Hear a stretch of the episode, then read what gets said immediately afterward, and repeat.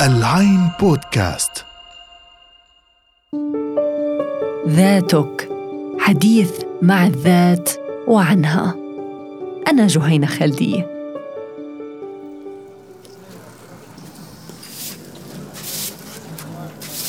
خطواته سريعة ما كان حدا يقدر عليها.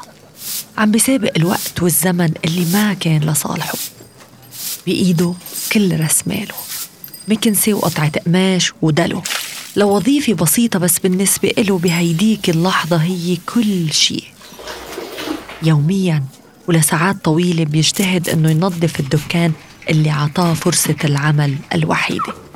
مرات بيشرد بيوقف بيتأمل الزباين والمارة خاصة المبينين منطلقين بالحياة ومؤسسين أعمالهم وبيوعد حاله وعد وحيد. ما رح أبقى مكاني ولازم لاقي حل. لازم كون بمكان آخر. أكيد بهالفترة رافقوا القلق والشعور اللي بيجينا لما نواجه مشاكل إنه محاصرين ومخنوقين. وكأنه عم نواجه ما يعرف ب anchor problems واللي بيجي اسمها من المرساة اللي بتستخدمها السفن بترحالها.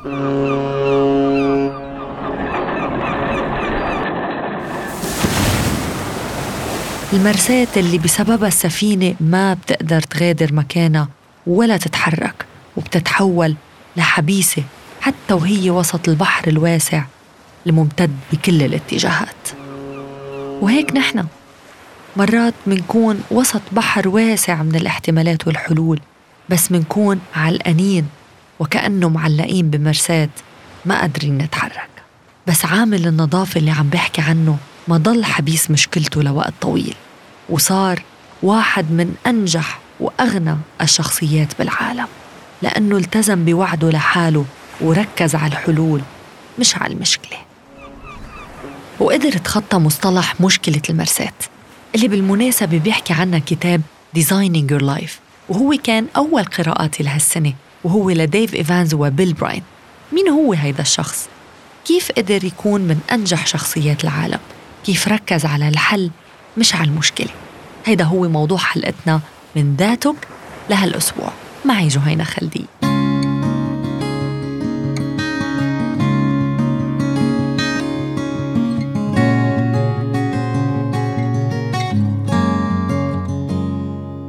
الوعد والإصرار اللي عمله هيدا الشاب هو اللي قدر ساعده إنه يتحمل الفقر المدقع اللي عاشه.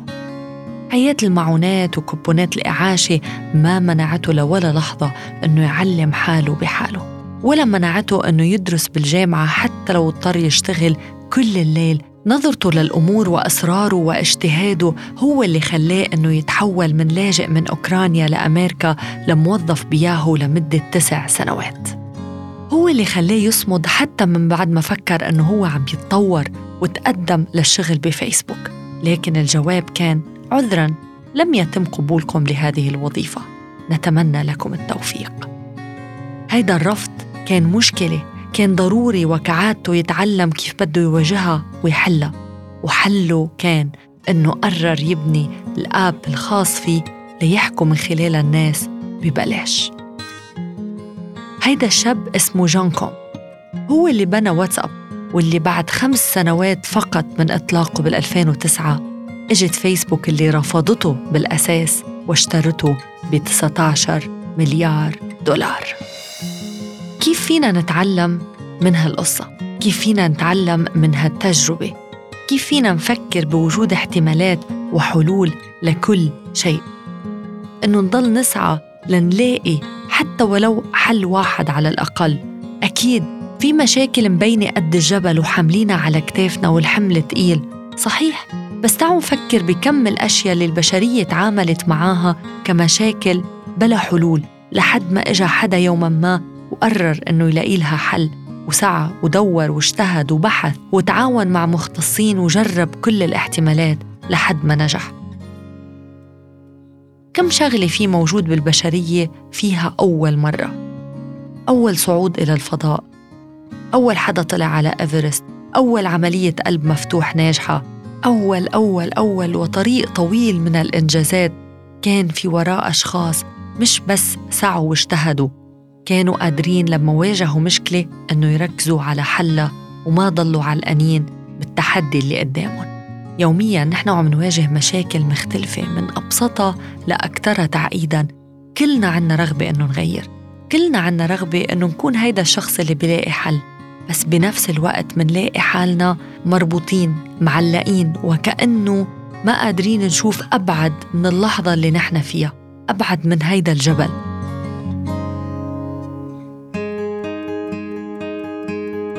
الخطوة الأولى والأهم واللي الكل بيحكي عنها واللي معروفة لكتار بس طبعا للأسف مش منفذة من كتار هي الأكسبتنس أو أنه نتقبل أساسا أنه عنا مشكلة. عنا مشكلة بشغلنا. عنا مشكلة مع مديرنا. عنا مشكلة مع آه، حبيبتنا. عنا مشكلة عائلية. أول طريق فعلا هو أنه نعترف فيها ونتقبلها.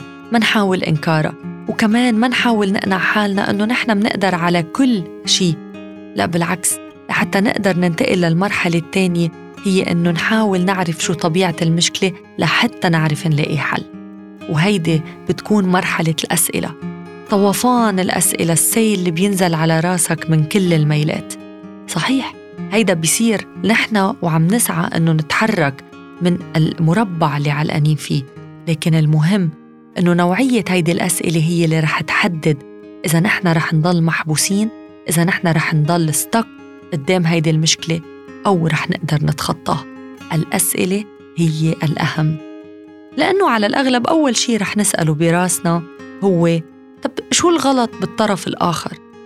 يعني بمعنى تاني أول شيء عم نكون عم نسأله ليه الآخر عم يعمل معي هيك؟ ما بنكون عم نسأل حالنا نحن شو عملنا غلط أو نحن كيف فينا نحن نلاقي حل نسأل مثلا آه ليه مديري مش مقدرني؟ ليه زميلي أخذ لي جهدي؟ ليه خيي ما بيعرف مصلحته؟ ليه اللي بحبه ما عم نقدر نكون سوا تحت سقف واحد؟ ليه هيدا العرض أو هيدا الأوفر ما عم بينقبل؟ دايما عم نسأل عن الآخر شو عم بيكون دوره بحل مشكلتنا قبل ما نسأل عن حالنا نحن شو دورنا بحلها. وهيدي طريقة الأسئلة تعتبر كنوع من إعادة تدوير للمشكلة.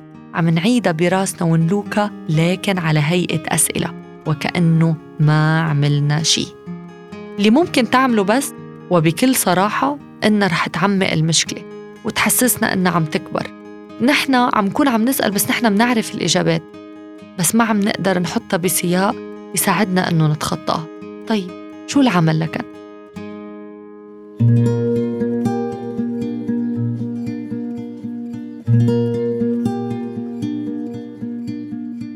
ببساطة شديدة طبيعة الأسئلة بهيدي المرحلة لابد أنها تكون منطقية وعملية. وما تشوفها من عدسة المشكلة اللي بتواجهك لكن الضروري أنك تطلع من حالك وتنسلخ من ذاتك وكأنك متفرج من بعيد.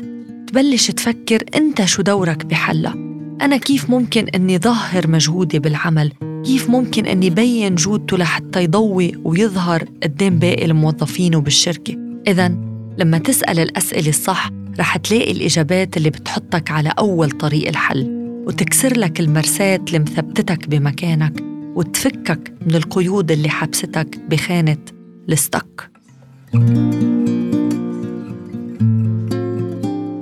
ومن بعدها تبدأ مرحلة العلاج والحل ورح نستعين هون بنموذج دكتورة لاني ويلسون بمواجهة المشاكل. وكنا حكينا عنه شوي بحلقة سابقة خلينا نتوسع فيه أكثر هيدا النموذج هو عبارة عن ثلاث خطوات.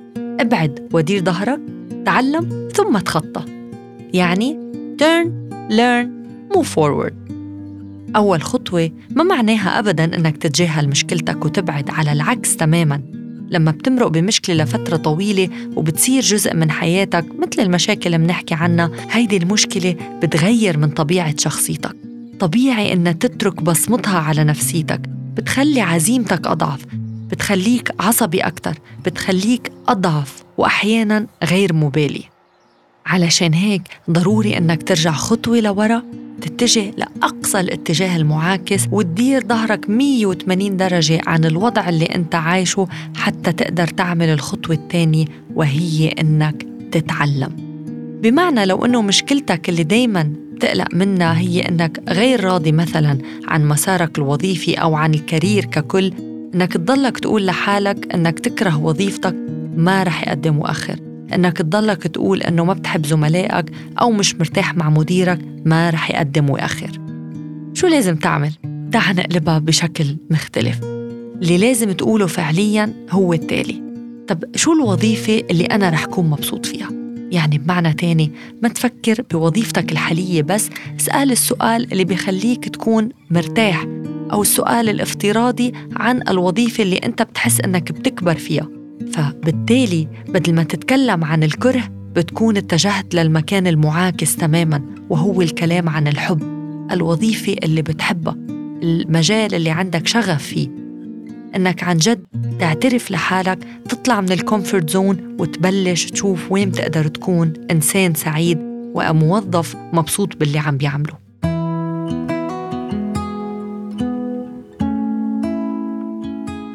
عظيم. وصلنا إنك عارف شو بتحب تكون. الخطوة الثانية إنك تتحرك إنك تتعلم أساسيات هيدي المهنة الجديدة. تتعلم المهارات بس لازم تنتبه لشغلة كتير مهمة كتار منا بيقعوا فيها. إنك تبتعد تماماً عن الكمال أو عن التفكير الاستقطابي يعني يا أما كل شيء يا أما بلاها. All or nothing. لو تركت حالك تحت رحمة هيدا المنطق ما رح توصل لشي.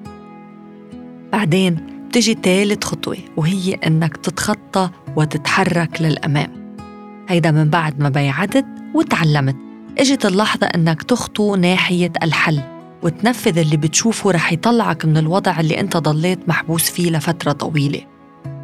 هيدي هي ثلاث خطوات تقدر فعلا إنك تخليك تفوكس وتركز على الحلول ما تضلك علقان من الوضع اللي أنت فيه.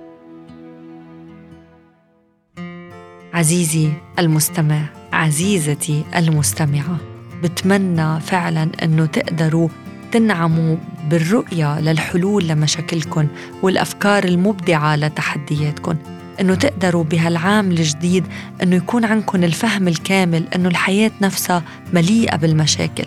والمهم إنه نفكر بحلولها والانطلاق منها لجوهر الحل.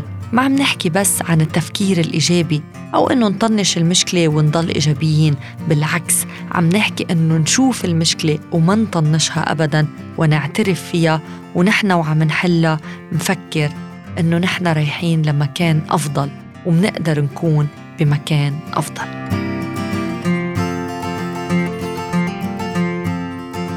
وبهيك بتكون خلصت حلقتنا ما تنسوا تعملوا داونلود للحلقة وتشيروها مع الأشخاص اللي بتعتبروا أنه فعليا كتير بركزوا على المشكلة وما بيقدروا يشوفوا الحل حتى لو كان قدام عيونهم. وخبروني أنتوا أيمتى آخر مرة عملتوا فيها تغيير قربكم من حل مشكلة واجهتكم أو غيركم للأفضل؟ ما تنسوا تسمعونا على موقعنا العين dot com slash podcast وعلى مختلف المنصات. Apple Podcast، SoundCloud، Google، Deezer، Spotify وأنغامي. كنت معكم جهينة خلدية وهيدا كان ذاتك من العين بودكاست. سلام.